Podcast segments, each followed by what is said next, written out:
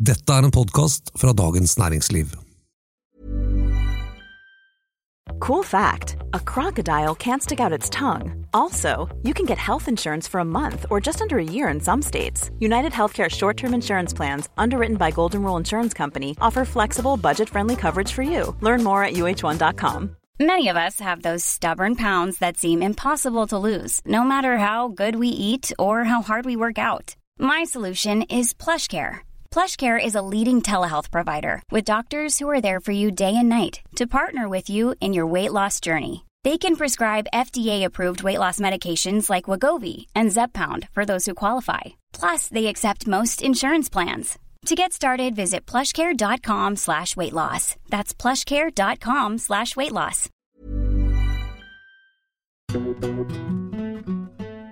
Verdensledere samles nok en gang til klimatoppmøte. Utfordringen er den samme som alltid. Er det mulig å lage en klimapolitikk som faktisk virker?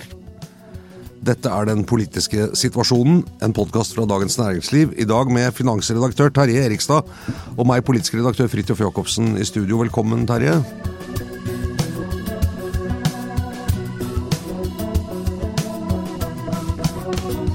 Takk for det. Eva Grinde er på ferie, det, men det er ikke bare derfor du er her. Eh, Fordi eh, denne helgen er det altså klimatoppmøte i Dubai. COP, som det kalles. COP. Eh, Og det ligger jo i De forente arabiske emiratene. Og midt mellom alle oljebrønnene som har gjort både Emiratene og andre arabiske land søkkrike, så skal dette altså skje. Hva står på dagsorden, Terje? Du kan vel egentlig si at verdens fremste står på dagsorden. Det er ikke å ta for hardt i.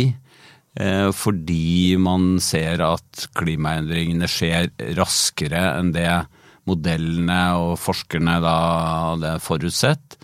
Temperaturen stiger, eh, ekstremværet blir bare heftigere og heftigere.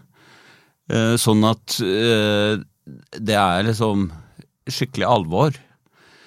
Men sånn formelt, hva som står på dagsordenen er jo hvordan eh, alle landene som er med i Parisavtalen, eh, har klart å følge opp den så langt, og hva de planlegger å gjøre i årene fremover.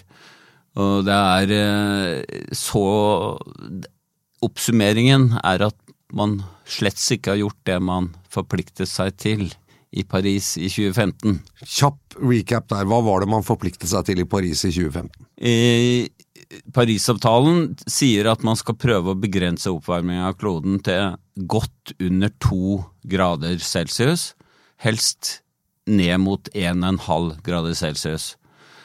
Eh, Og eh, alle landene som er med i avtalen har forpliktet seg til hele tiden å basere seg på beste vitenskapelige råd, og for hvert femte år forsterke sine egne klimaambisjoner. Og for Norge så betød dette her at vi eh, meldte oss inn, eller ratifiserte Parisavtalen. Et enstemmig storting eh, gjorde det. Og der forpliktet vi oss til å bli et lavkarbonsamfunn i 2050. Klimagassutslippene må ned med 90-95% sammenlignet med 1990-nivået. Og så langt har vi bare kommet til 5% nedgang. Ok. Så eh, man, 2015 det begynner altså å bli det er åtte-ni år siden. Eh, og da kunne man vel liksom regne seg fram omtrent til slutten av 2023 og se hvor var det man skulle være. Hvor, hvor, hvor skulle man vært nå, i henhold til avtalen? Man skulle ha vært mye lavere ned eh, på utslipp, og isteden så er det rekordhøye utslipp i 2023. Det har aldri vært sluppet ut mer klimagasser enn det vi gjør i verden i 2023. Så vi er ikke på den riktige banen. Vi er på fullstendig feil bane, eller fullstendig feil spor, i forhold til hva alle landene eh, forplikter seg til å gjøre. Er, er det sånn at denne reduksjonen av utslipp ned mot et lavutslipps- eller nullutslippssamfunn i 2050 eh, når man snakker om det, så tenker man jo at det er en slags lineær sånn skråkurve. Eh, jeg er veldig glad i grafer, Terje, så jeg prøver å se for meg dette. Men sant, hvor det reduseres jevnt sånn år for år nedover til det rolig går ned til null.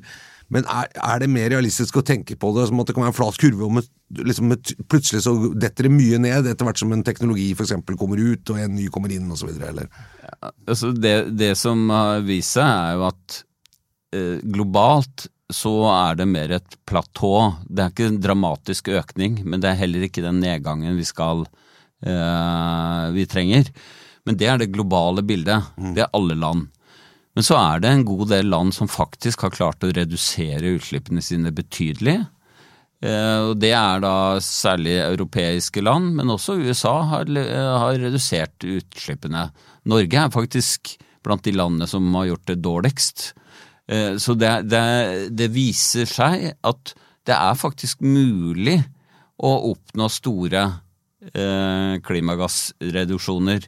Men eh, det er dessverre eh, si, først og fremst i de rike landene, som allerede har et høyt energiforbruk, og som da har stått for historisk mesteparten av utslippene.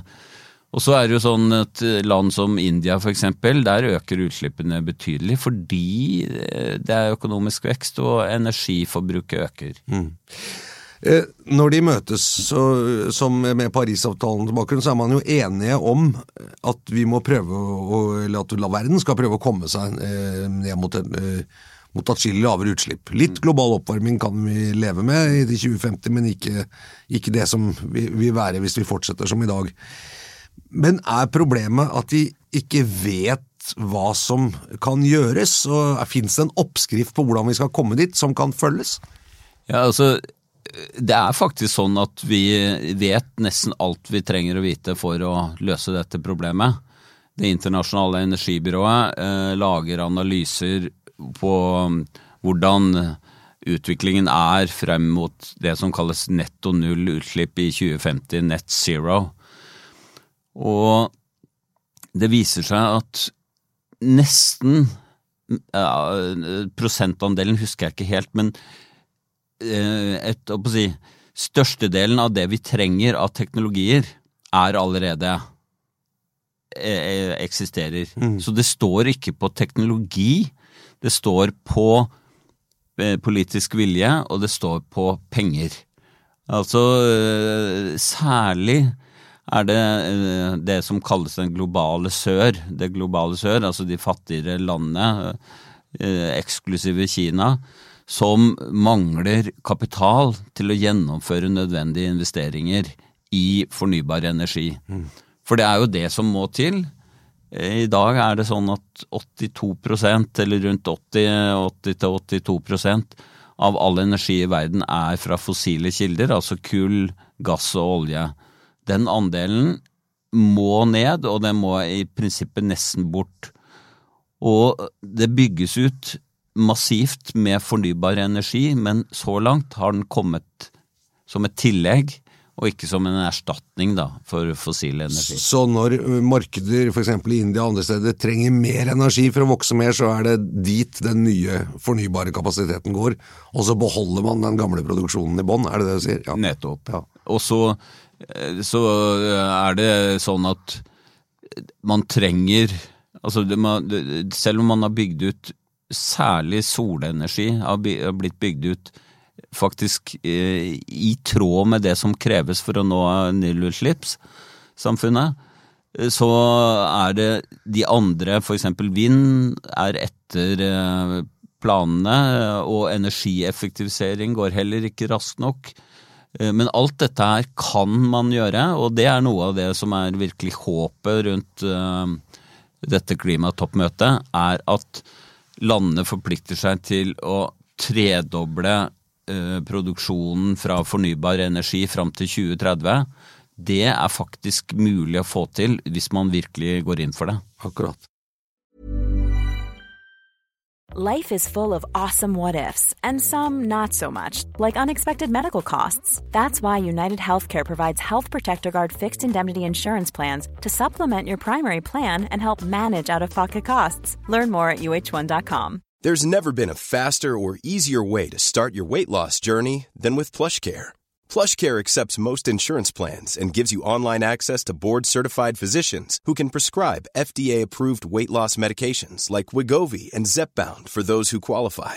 Take charge of your health and speak with a board-certified physician about a weight loss plan that's right for you. Get started today at plushcare.com slash weight loss. That's plushcare.com slash weight loss. plushcare.com slash weight loss. 2015 i Paris er det nok mange som liksom husker var et ganske stort møte. Dette møtet eh, får litt oppmerksomhet, men, men lite. Og klimakrisen i det hele tatt har jo fått lite oppmerksomhet på dagsordens eh, etter først den globale pandemien, som var en verdensomspennende krise, som traff selvfølgelig også Vesten. Så har vi krigen i Ukraina og Russlands eh, overfall og invasjon der. Nå har vi også, ikke så langt fra Dubai faktisk, en, en uh, krig på Gaza uh, mellom Israel og Hamas, som selvfølgelig også uh, har på hvert fall politiske ringvirkninger og skaper ustabilitet i regionen. Man frykter jo for en større opptrapping med Iran kanskje, og Hezbollah, og Libanon og Syria osv.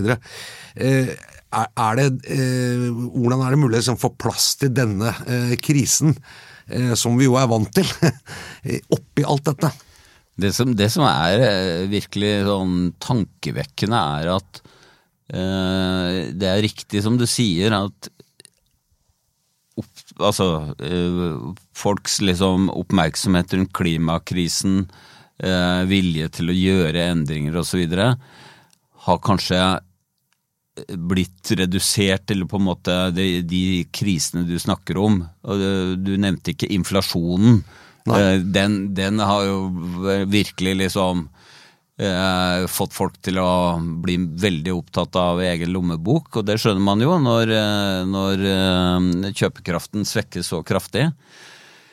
Men det som er da tankevekkende, er at mens oppmerksomheten vår vris over mot disse andre krisene, så bare er klimakrisen enda, enda, enda mer alvorlig enn noen forskere hadde forutsett. Altså dette året her blir det varmeste vi har målt noensinne. Og det er særlig den enorme raske oppvarmingen av havene som bekymrer disse klimaforskerne, fordi de klarer ikke helt å forklare det med dagens modeller.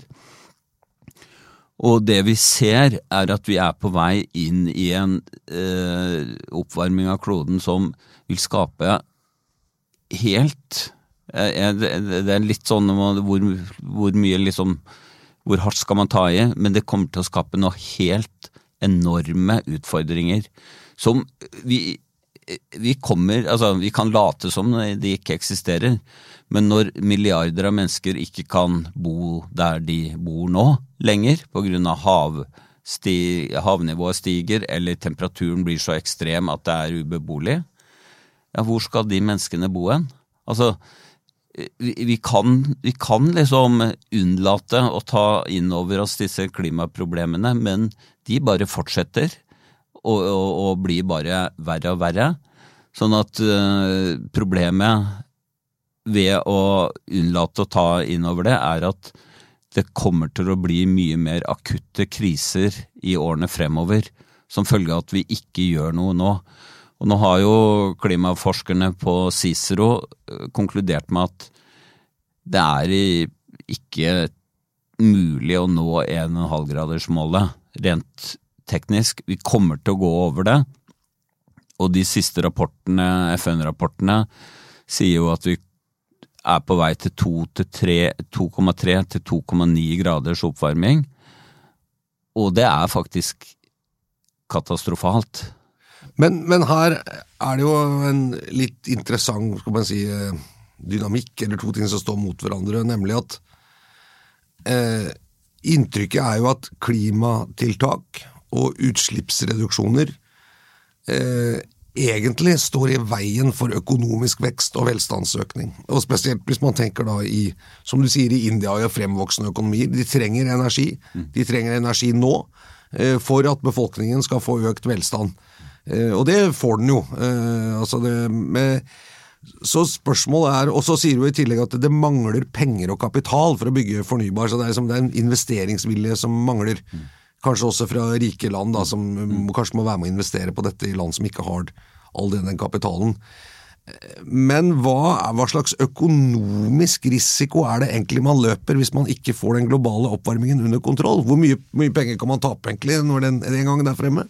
Ja, det er jo eh, håper å si veldig skremmende perspektiver på det, fordi at eh, de klimaendringene kommer jo til å føre til store endringer i hvor man f.eks. kan eh, dyrke mat Eh, det kommer til å ha store betydning for hva man kan få ut av havene når det gjelder eh, fangst. Det har stor betydning for hvor mennesker kan bo. Det kommer til å ha enorm betydning for produktiviteten. Altså, det er allerede forsket på det, at, at sånn ekstremvarme gjør at folk ikke kan jobbe, eller jobber mye eh, si, dårligere, særlig fysiske yrker, eh, hvor man eh, kanskje må, må, være ute. Alt eh, dette har jo enorme liksom, effekter på produktivitet og vekst. Og så har du de eh, skadene som eh, ekstremvær medfører, som vi da på en måte kan si at bidrar til økonomisk vekst, fordi vi må nesten bygge opp igjen den jernbanebrua som nå hindrer at uh, Dovrebanen går som normalt. Og det skaper jo på en måte arbeidsplasser og sånn, men det er det, det er jo ikke produktive investeringer. Det er jo egentlig å rette opp øh, øh, ja, store skader etter ekstremvær. Sånn at det er ikke ja, man, man, snakker om at det er store kostnader ved å omstille seg til et lavutslippssamfunn. Eh, det er, det er, kostnader ved det, men det er også store kostnader ved å la være. Mm. Og det som er liksom det spesielle med dette klimaproblemet, det er at eh, effekten av denne oppvarminga av kloden, denne energi i ubalansen som er, hvor det kommer mye mer energi inn til kloden enn det går ut, det er at effekten av det er på en måte eh, Det tar sin tid før det blir synlig. Og da, da sant, Hadde det vært effekt umiddelbart, så hadde vi på en måte skjønt det.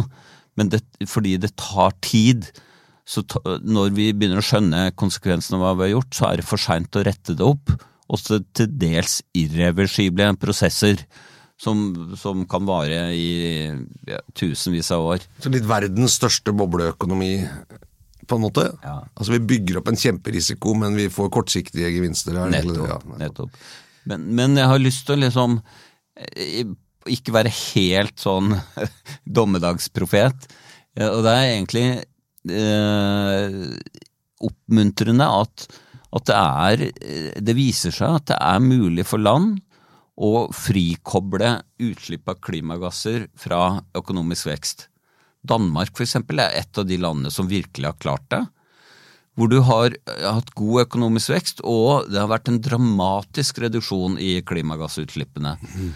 En forskningsrapport fra et par år tilbake oppsummerte over 30 land som har klart å frikoble utslipp og eh, økonomisk vekst. Så det er mulig å få det til. Det er bare det at vi må, vi må gjøre det. Eh, det haster, fordi eh, klimaendringene venter ikke på oss på at vi plutselig skal finne ut at nå må vi gjøre noen store endringer. Det, det er budskapet før klimatoppmøtet, for å si det sånn. Klimatoppmøtet er jo et politisk møte med, med, statsledere og ministre fra en rekke land rundt om i verden. Men hvis vi, vi ser på tre eh, dimensjoner, eller akser, kan du si, da, i i dette så har du jo også politikk og regulering. Så har du teknologi. Eh, og så har du kapital, marked, økonomi, og alt dette må jo virke sammen på en måte eh, hvis man skal eh, få en ny utslippsfri eller utsl redusert utslippsøkonomi, mm. eller verden. Hvor er det det butter mest? Ja, det Ikke sant. Det er litt sånn trist at uh, USA, når USA endelig gjør eh, noe ordentlig for å stanse klimaendringene og få til fornybar energi, denne IRA-loven, Inflation Reduction Act fra Biden, så kommer den da sammen med en enorm proteksjonisme. altså Det er liksom amerikanske produsenter som skal premieres. Det er ikke eh, det å skape et best mulig eh, globalt eh, marked. Det er vi i USA som skal, skal tjene på dette.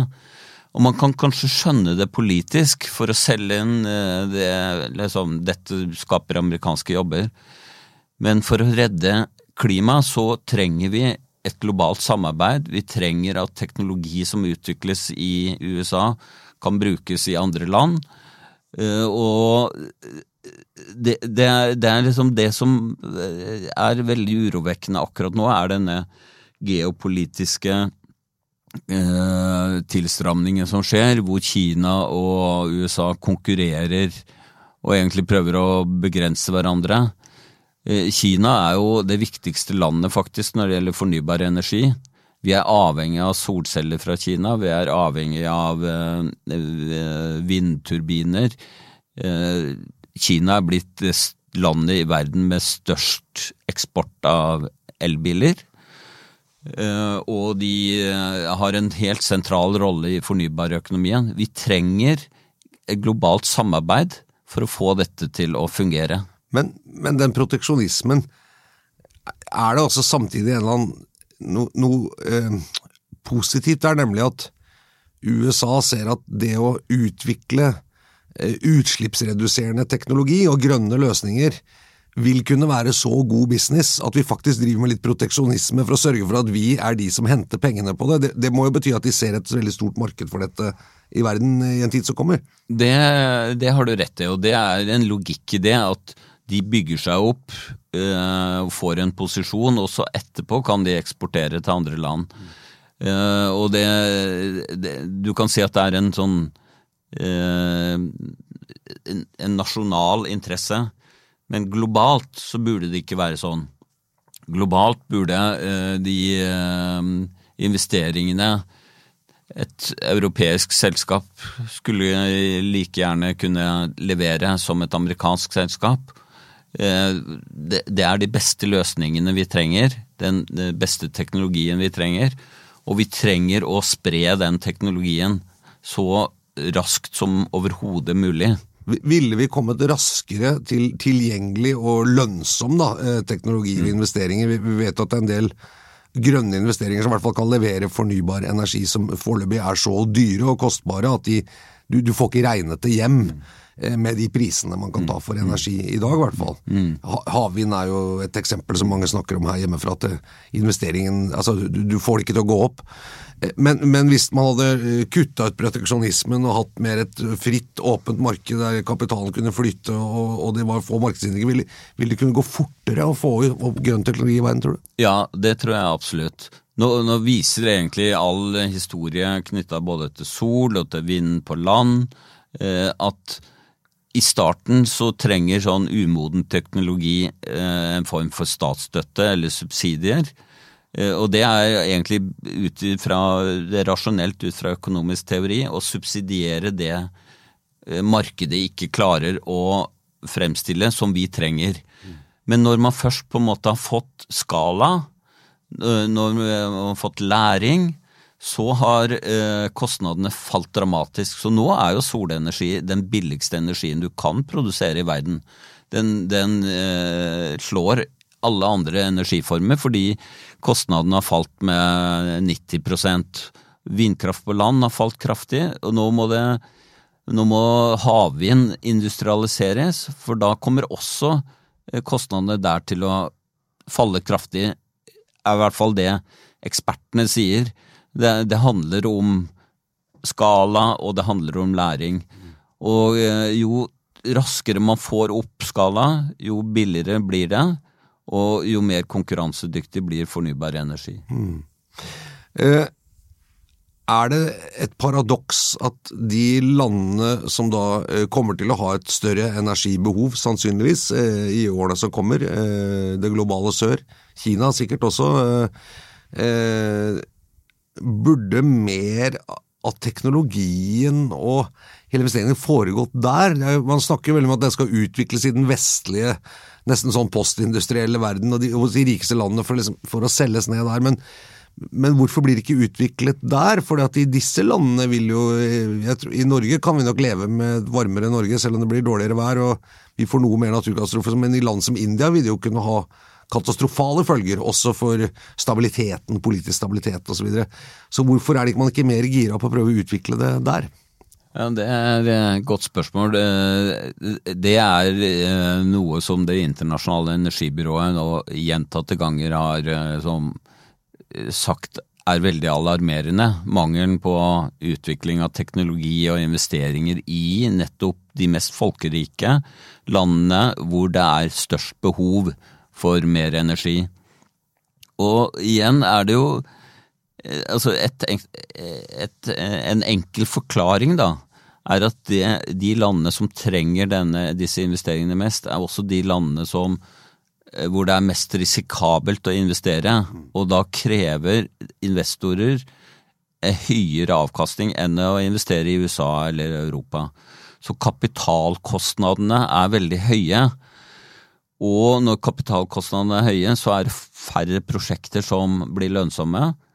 Og eh, da blir det for lite investeringer. Og så er spørsmålet hvem, hvem på en måte kan gå inn og gjøre noe med de kapitalkostnadene. Hvem kan være villig til å stille med kapital, kanskje til noe lavere kostnader.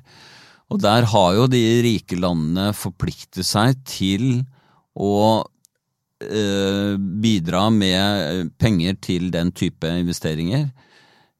Men det har jo ikke kommet i tråd med det som man ble enige om på tidligere klimatoppmøter. Sånn at, og, og det er jo Ikke sant hvor mange Det er egentlig bare Norge som har stort overskudd av kapital, ikke sant? Og heller ikke vi ønsker å liksom Vi bidrar. Det vi bidrar, det, det gjør vi. Men, men, men, det er sånn knapphet på, på, offentlig kapital rundt omkring. Og man vil jo gjerne prioritere egen befolkning. Her er det jo, altså dette hvor klimatoppene er, i Emiratene og Saudi-Arabia er det også mye kapital. Det er det. Eh, så det kan jo også Det er også land som har Men eh, får la det ligge. Men på slutten her Min oppfatning har jo vært at eh, at man har vært eh, Vi vet at vi ikke kan fortsette på dagens kurs, og det er politisk enighet som sier enstemmig storting Parisavtale, men dette er fremstilt som et prosjekt som eh, hvor teknologien kommer til å løse en del, og så kommer man til å ikke merke så mye. Og det kommer i tillegg, som i Norge, til å skape liksom en masse flotte, nye, høyteknologiske industriarbeidsplasser. Så det er, det er som win-win. Og dermed så er man snakker på en måte bare om et slags eventyr, grønt skifte og sånn, men man er lite villig til å ta i bruk det som jo kan være politiske virkemidler, nemlig kraftige reguleringer og høye avgifter, som rett og slett gjør det mye dyrere å slippe ut CO2, F.eks. for eksempel globalt. Man kan jo risikere en, en sånn, at man kan få sånn CO2-paradiser, men, eh, men hvor langt, eller Når kommer den? Når blir det så hast at man sier at nå skrur vi til eh, politisk med regulering, avgift og gjør det rett og slett mye dyrere? Ja, det er et godt spørsmål. Og, og, vil det ha noe effekt? Vil det tvinge fram en raskere en forsering av disse utslippsredaksjonene, tror du? Ja, hvis øh, disse fremskrivningene om temperaturøkning og konsekvenser viser seg å være øh, en realitet, så tror jeg på et eller annet tidspunkt at vi, vi kommer til å komme inn i en slags sånn krigsøkonomisituasjon. Eh, hvor, hvor, man må mobilisere eh, voldsomt. Eh, både eh, forsere alt mulig teknologi utvikling, men også alt som har med øh, å tilpasse seg et klima som, som, som gjør at vi må leve på en annen måte. Og, og, og der er vi ikke ennå, men jeg tror bare at, at dette Det er liksom så ubønnhørlig, det som skjer, at på et eller annet tidspunkt så tror jeg at vi, vi er, det er der vi kommer til å være. At nå er det, nå er det eh, kode rød for hele kloden. Og da, da, da tror jeg liksom folk vil skjønne at vi har ikke noe valg. Altså, eh, det er jo det, handler jo rett og slett om denne kloden skal være levelig eller ikke. Og så kan vi si at ja, men her i Norge eh, så klarer vi oss greit. Ja, men tenk på alle de som vil flytte til Norge eller til Europa for å komme seg unna et klimahelvete. Vi, vi kommer ikke til å gå fri av dette på noen som helst måte. Lykke til med klimatoppmøtet i Dubai for de som er der. Eh, dette var den politiske situasjonen i dag med eh, finansredaktør Terje Erikstad og meg, politisk redaktør Fridtjof Jacobsen. Eh, vi jobber begge i Dagens Næringsliv, som også lager denne podkasten. Produsent er Gunnar Bløndal. Og vi høres igjen neste uke, får vi se hvordan det går i Dubai. Takk skal du ha, Terje.